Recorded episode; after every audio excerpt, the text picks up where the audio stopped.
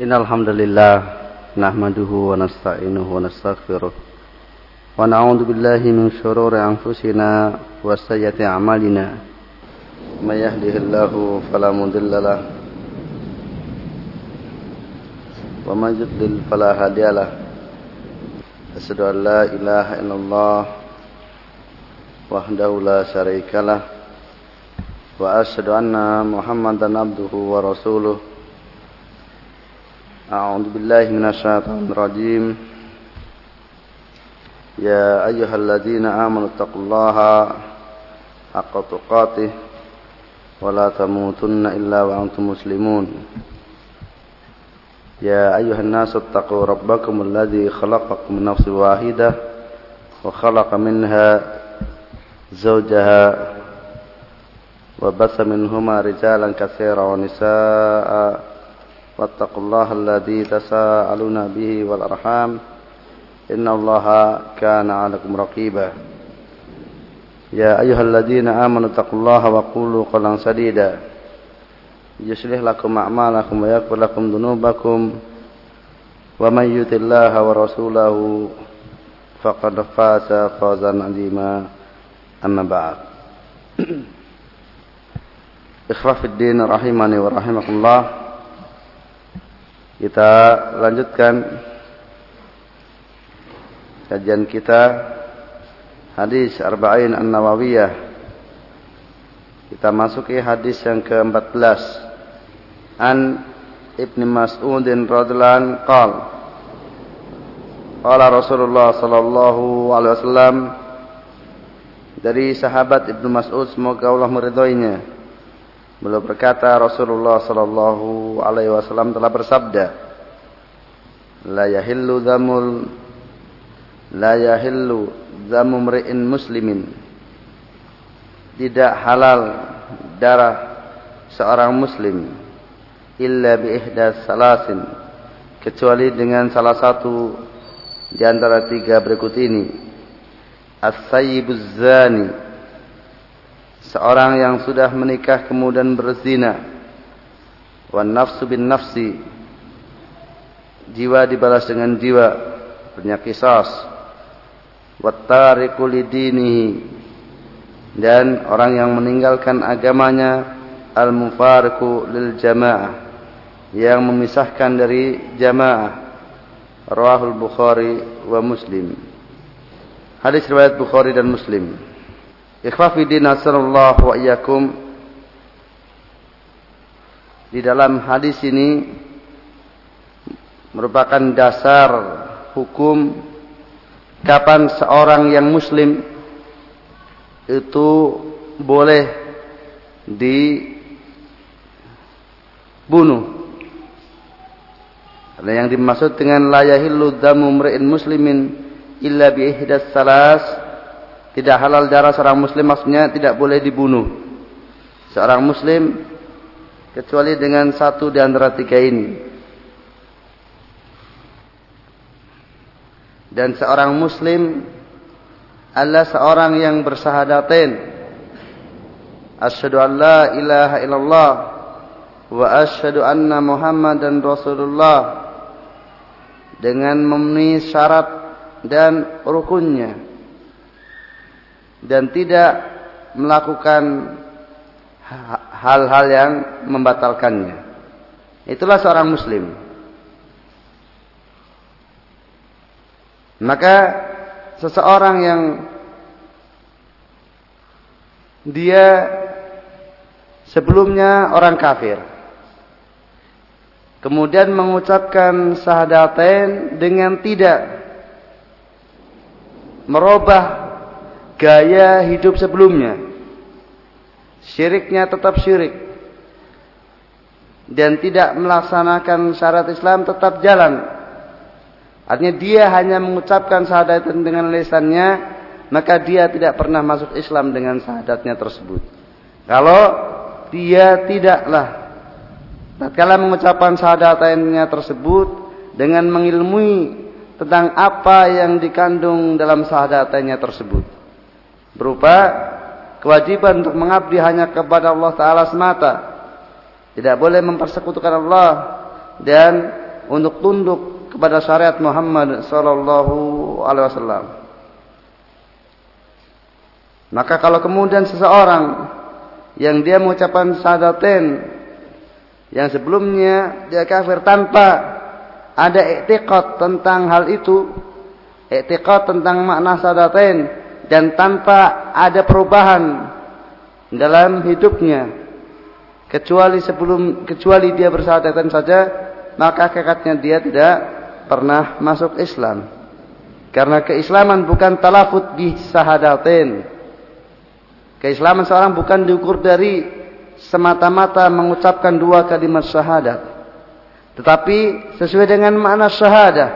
Syahadah tidak dikatakan syahadah kecuali diucapkan karena keyakinan terhadap apa yang diucapkannya tersebut dan siap untuk tunduk dan konsekuen terhadap apa yang diucapkannya.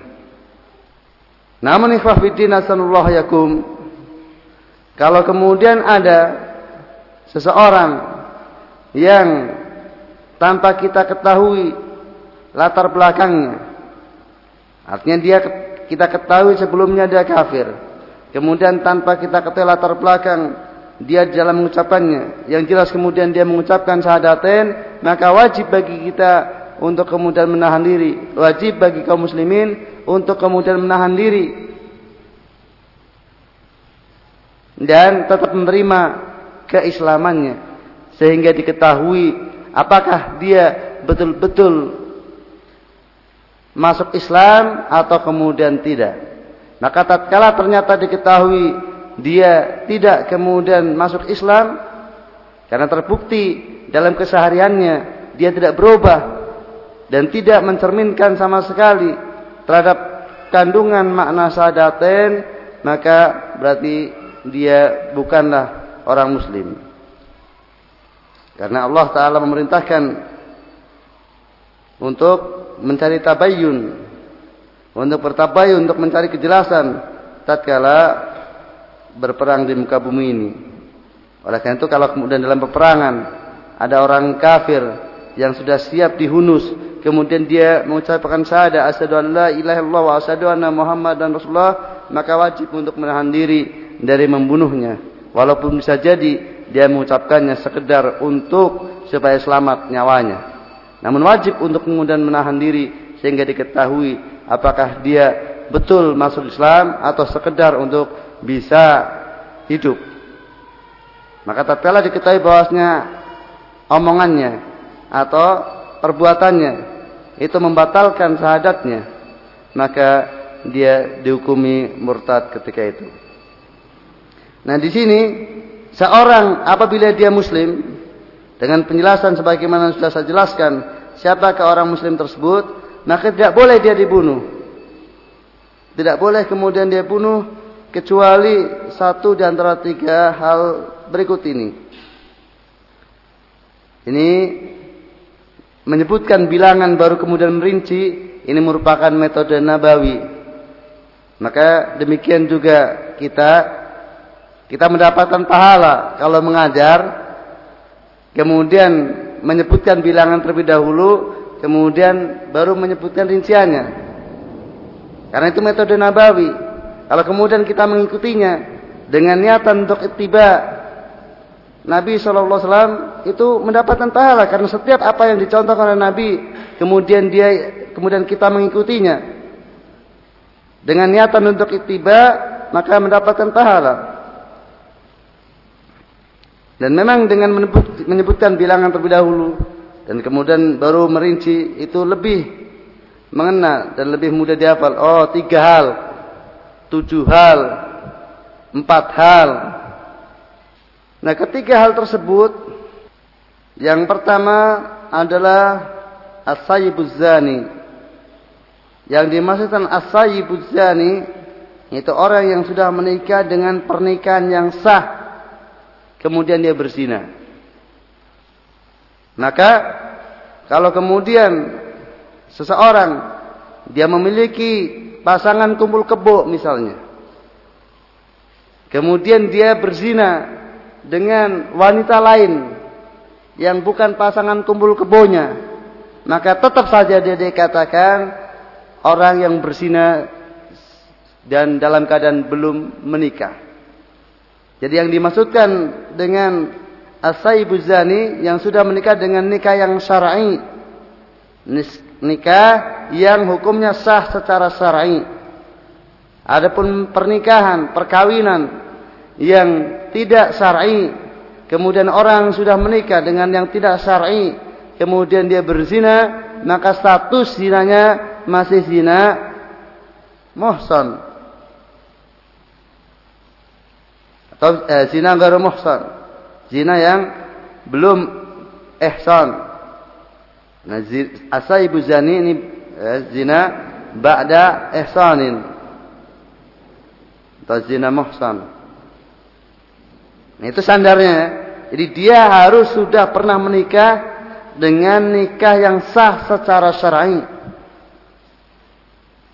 Maka orang yang sudah pernah menikah dengan nikah mut'ah misalnya. Kemudian setelah itu dia berzina. Dia menjanda setelah pernah menikah mut'ah. Jadi janda hasil perkawinan apa? Mut'ah. Kemudian berzina setelah itu. Maka statusnya masih sama dengan zinanya orang yang belum pernah menikah. Nah orang yang sudah pernah menikah dengan nikah yang syar'i. Kemudian dia berzina maka boleh dia dibunuh. Dan hukum bunuhnya adalah rajam. Hukum bunuhnya adalah rajam. Dan hukum rajam ini adalah hukum yang mansuh lafadznya dalam Al-Quran namun tetap hukumnya. Dan hukum rajam ini tidak hanya pada Al-Quran Demikian juga pada Taurat. Orang yang menikah kemudian bersina ini hukumnya rajam. Ini bukan hanya hukum syariat agama Islam dalam artian Islam Muhammad SAW, demikian juga Islam umat sebelumnya dari Nabi Musa alaihissalam. Bahkan ada kisah menarik rajam pernah dilakukan oleh seekor binatang. Jadi tatkala ada kera yang sudah menikah kemudian dia berzina dengan kera yang lainnya dan akhirnya diketahui kemudian kera tersebut dirajam oleh sesama kera. Ini masyhur kisah tersebut. Dan hukum rajam ini masuk dalam kategori membunuh dengan cara yang baik. Karena standar membunuh dengan cara yang baik bukan ditinjau dari sisi paling cepat matinya. Tapi mana yang paling sesuai dengan syar'i, itulah membunuh dengan cara yang baik. Kalau membunuh orang yang sudah menikah kemudian berzina hanya dengan dipenggal lehernya saja itu Bukan cara membunuh yang baik orang yang berzina. Caranya yang baik, yang terbaik adalah dengan cara dirajam. Yaitu dilempari dengan batu yang tidak terlalu besar dan tidak terlalu kecil. Kalau terlalu besar langsung mati. Tidak sesuai dengan hikmah rajam. Kalau terlalu kecil maka terlalu menyakiti. Juga tidak sesuai dengan hikmah rajam. Berapa persisnya wallahu alam. Yang jelas tidak terlalu besar dan tidak terlalu kecil. Kemudian yang kedua, wan nafsu bin nafsi yaitu kisas. Jiwa dibalas membunuh jiwa kemudian dikisas tentunya dengan syarat-syarat yang sudah ma'ruf yang dibahas dalam kitab fikih. Di antaranya di sana ada pengecualian-pengecualian seperti tersebut dalam hadis Nabi Shallallahu Alaihi Wasallam. Bahwasanya tidaklah orang yang Muslim dikisos dengan sebab membunuh orang kafir. Demikian juga tidaklah. Ini sebagian pendapat. Dan Allah alam nampaknya itu yang kuat. Seorang bapak dikisos gara-gara membunuh anaknya. seorang merdeka dikisos gara-gara membunuh budak karena tidak sekufu. Kisos padahal yang sekufu. Demikian dengan perincian yang bisa dilihat dalam kitab-kitab fikih. Kapan seorang kemudian dia dikisos. Dan di sini ada apabila dia membunuh dengan sengaja kalau kemudian membunuh tanpa sengaja kotoan maka bukan kisos yang terjadi tapi membayar dia. Dan hukum kisos ini pun tidak harus tidak harus pelaksanaannya kisos karena kalau kemudian ahli dari yang keluarga yang terbunuh itu merelakan memaafkan maka gugur hukum kisos. Misalnya keluarganya menuntut diat saja, tidak kisos, atau bahkan memaafkan sama sekali, maka gugur. Jadi tidak harga mati kalau orang membunuh saudara lain sama muslim, maka mesti dia harus dibunuh.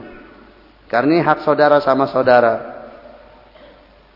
Maka kalau saudaranya memaafkan, dia bebas dari jerat hukum kisos. Namun dosanya sangat besar di sisi Allah Taala man, man qatala mu'minan muta'ammidan fajazauhu jahannam khalidan fiha. Barang siapa yang membunuh seorang mukmin dengan sengaja, maka balasannya neraka yang amat sangat lama. Khalidan fiha menunjukkan waktu yang amat sangat lama. Karena demikianlah bahasa Arab. Khalid itulah waktu yang amat sangat lama. Tidak mesti kemudian abadi itu eh, Khalid bermakna abadi. Demikianlah dalam ayat ini. Maka seseorang Arab kalau ingin kalau menginginkan anaknya berumur panjang dia namai Khalid untuk berumur panjang. Kemudian yang ke tiga watariqul dini dan meninggalkan agamanya al-mufariqu lil jamaah yang memisahkan diri dari jamaah. Meninggalkan agama di sini bisa dalam artian murtad artinya dia keluar dari Islam. Man badala dinahu faqtulhu. Barang siapa yang mengganti agamanya maka bunuhlah. Jadi orang muslim kemudian murtad, maka dia dibunuh. Dengan perincian ada di sana yang dia diberi kesempatan untuk bertobat dan ada di sana kemurtadan yang tidak diberi kesempatan untuk bertobat dengan perincian yang ada dalam kitab-kitab fikih. Demikian juga termasuk meninggalkan agama adalah meninggalkan jamaah, jama'atuddin. Maka hadis tersebut kemudian dijelaskan al-mufariqul jamaah dan meninggalkan jamaah. Seperti misalnya kaum muslimin yang memberontak kepada imam yang sah. Dia khurus dari imam yang sah. Dia tidak mau membaiat imam yang sah. Maka dia walaupun tidak murtad dari agamanya. Dia telah meninggalkan jamaah. Jama'atuddin. Jamaah kaum muslimin maka dia boleh dibunuh. Fa'in bagot ihdahuma al ukhra faqatilul lati tabqi hatta tafiya ila amrillah. Dan kalau salah satu dari dua kelompok membangkang, tidak mau tunduk, maka bunuhlah, perangilah sehingga kembali kepada urusan Allah Taala.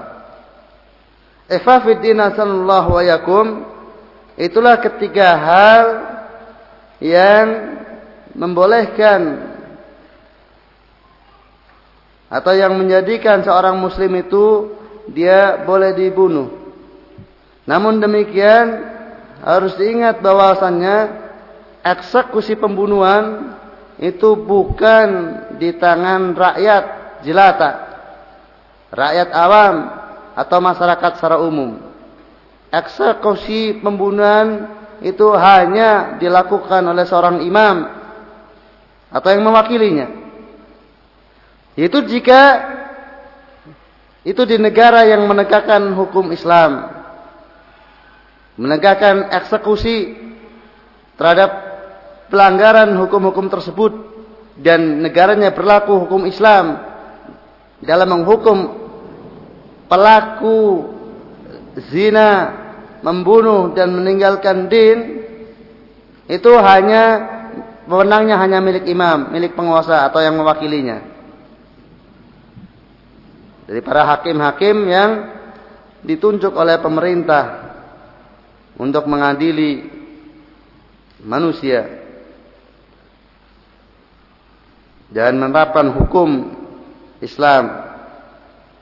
Adapun apabila berada di negara yang tidak menerapkan hukum Allah, maka tak seorang pun berhak untuk mengeksekusi dalam hal penumpahan darah. Walaupun yang melakukan perbuatan tersebut meminta untuk dieksekusi. Yang mau mengeksekusi, yang mengeksekusi mau, yang dieksekusi pun dengan lapang dada. Silakan saya dieksekusi. Maka bukan bidangnya. Maka diwajibkan bagi yang melakukan perkara-perkara tersebut untuk bertobat kepada Allah Subhanahu wa taala dengan sebenar-benar taubat dan tidak kemudian meminta kepada siapa pun untuk mengeksekusinya sementara dia bukan tinggal di negara yang menerapkan hukum Islam dalam bidang hukum-hukum tersebut. Tapi kalau kemudian dia walaupun bukan di negara Islam, tapi kebetulan hukum yang berlaku dalam hal ini adalah hukum Islam, yang menerapkan hukum Islam dalam hal ini misalnya, maka dia boleh melapor kepada hakim bahwasanya telah melakukan perbuatan zina padahal dia sudah apa, menikah. Adapun eksekusi yang tidak sampai penumpahan darah seperti cambuk atau kisos yang non bunuh ya, yang tidak sampai kemudian menghilangkan nyawa. Maka sebagian ulama berpendapat bolehnya itu dilakukan di hadapan seorang alim jika atas kemauan si pelaku. Jika pelaku menghendaki demikian saya telah berbuat demikian dan demikian maka hukumlah saya. Maka boleh dia datang kepada seorang alim yang bertakwa kemudian minta hukuman. Sesuai dengan apa yang ada dalam kitab Allah kalau hukuman tersebut tidak dalam sampai hukuman bunuh. Itu kalau pelakunya ridho terhadap penerapan eksekusi tersebut termasuk misalnya kita menempeleng atau memukul saudara kita kemudian uh maaf ya eh, kisah itu karena sama ridho dan tidak menimbulkan dampak apa-apa kepada pihak-pihak yang lainnya. Karena itu perdamaian antara kedua belah pihak. Nah demikian ikhwafidin sallallahu layakum. Jadi tidak semua yang syariat memerintahkan untuk kaum muslimin membunuhnya, praktek pembunuhannya itu boleh dilakukan oleh siapa saja yang mau melakukannya. Nah, kadang orang itu berdalil dengan apa perintah-perintah Allah atau Rasulnya tanpa melihat apa bagaimana pemahamannya sebenarnya. Misalnya faktulu aimatal kufur. Bunuhlah tokoh-tokoh kekafiran. Kemudian dia lihat pastor tokoh kekafiran. Maka kapan lewat malam-malam sikat, sembelih. Kemudian nanti misalnya, Pak Misalnya Presiden Amerika nah, ke Indonesia, misalnya ini tokoh kekafiran ini. Kapan lewat mobilnya bom. Itu adalah penyimpangan. Dan itu bid'ah. Jelas, karena itu di atas namakan agama. Suatu perbuatan dinisbahkan kepada agama dan tidak ada tuntunan dari Rasulullah dan para sahabatnya. dan dia niatkan dengan itu untuk mengabdi kepada Allah Taala. Itulah bid'ah.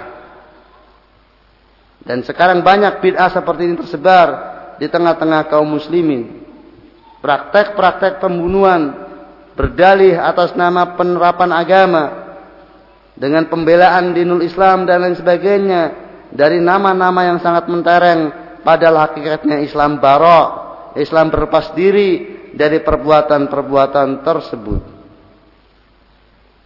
Mudah-mudahan kita ikhwafidin asallallahu yakum yang secara umum adalah para pemuda yang masih membara semangatnya yang sangat rawan dengan pemahaman seperti itu Allah berikan taufik kepada kita semuanya untuk selamat dari pemahaman khawarij atau yang semodelnya dan pemahaman-pemahaman yang lainnya. Kita lanjutkan dengan hadis ke 15. Oh, sebelumnya tadi disebutkan tentang zina. Bagaimana dengan homoseks, liwat, sodomi? Maka untuk sodomi perkaranya lebih berat dibandingkan zina. Maka dibunuh. Pokoknya dia dibunuh. Si fa'il maupun maf'ul yang aktif maupun yang pasifnya itu dibunuh. Ulama bersih pendapat tentang bagaimana model pembunuhannya. Apakah dirajam atau kemudian dibunuh saja atau kemudian dijatuhkan dari gedung yang tinggi sambil dilempari batu. Seperti azab yang dialami oleh kaum Nabi Lut, kaum Sodom maka pokoknya dibunuh. Bahkan ada yang dibunuh dengan dibakar. Karena itu model pembunuhan yang paling mengerikan. Karena perbuatannya sangat mengerikan, sangat menjijikkan. Namun demikianlah rupanya fitrah manusia banyak yang rusak. Mereka minta kehidupan yang eksis, minta dihormati sebagaimana seorang yang punya kecenderungan kepada seorang laki-laki punya kecenderungan kepada perempuan dihormati, maka demikian juga seorang laki-laki punya kecenderungan kepada laki-laki minta dihormati. Minta diberi kebebasan untuk melaksanakan apa yang diinginkannya dan pelarangan adalah pelanggaran hak asasi manusia. Inilah pernyataan-pernyataan binatang yang keluar dari mulut manusia. Ya hasil mereka dibunuh. Apa pun caranya, yang penting pokoknya terbunuh. Orang yang melakukan sodomi. Maka asanallahu yakum. Dan nampaknya gejala seperti ini mengejala. Dan dimungkinkan termasuk yang menjadi sebab populernya atau menjadi sebab merebaknya praktek-praktek seperti dalam media massa. Karena media massa mempopulerkan berita praktek-praktek sodomi. Akhirnya namanya manusia pokoknya serba serba ingin mencoba. Yang tadinya tidak punya gambaran sama sekali, tapi kalau kok bisa ya orang seperti itu. Coba sih. Hmm, kan kalau sesak dengan perempuan kan tentara. Karena dicurigai kalau Berduaan dengan laki-laki siapa yang curiga? Maka fitnah tentang liwat atau sodom ini lebih sangat berbahaya. Karena sulit penghindarannya. Kalau ada orang laki-laki berjalan dengan yang bukan mahramnya, maka mudah untuk dihindari. Tapi seorang laki-laki berjalan dengan orang laki, padahal dia adalah pelaku sodomi, siapa yang mengingkarinya? Maka dengan hukuman yang sangat keras kepada pelaku sodomi diharapkan kemudian orang tidak melakukannya. Maka cukuplah menjadi pelajaran bagaimana nasib yang dialami oleh kaum Nabi Lut. Dan itu menunjukkan bahwasanya kemaksiatan menjadi sebab turunnya azab Allah Subhanahu wa taala.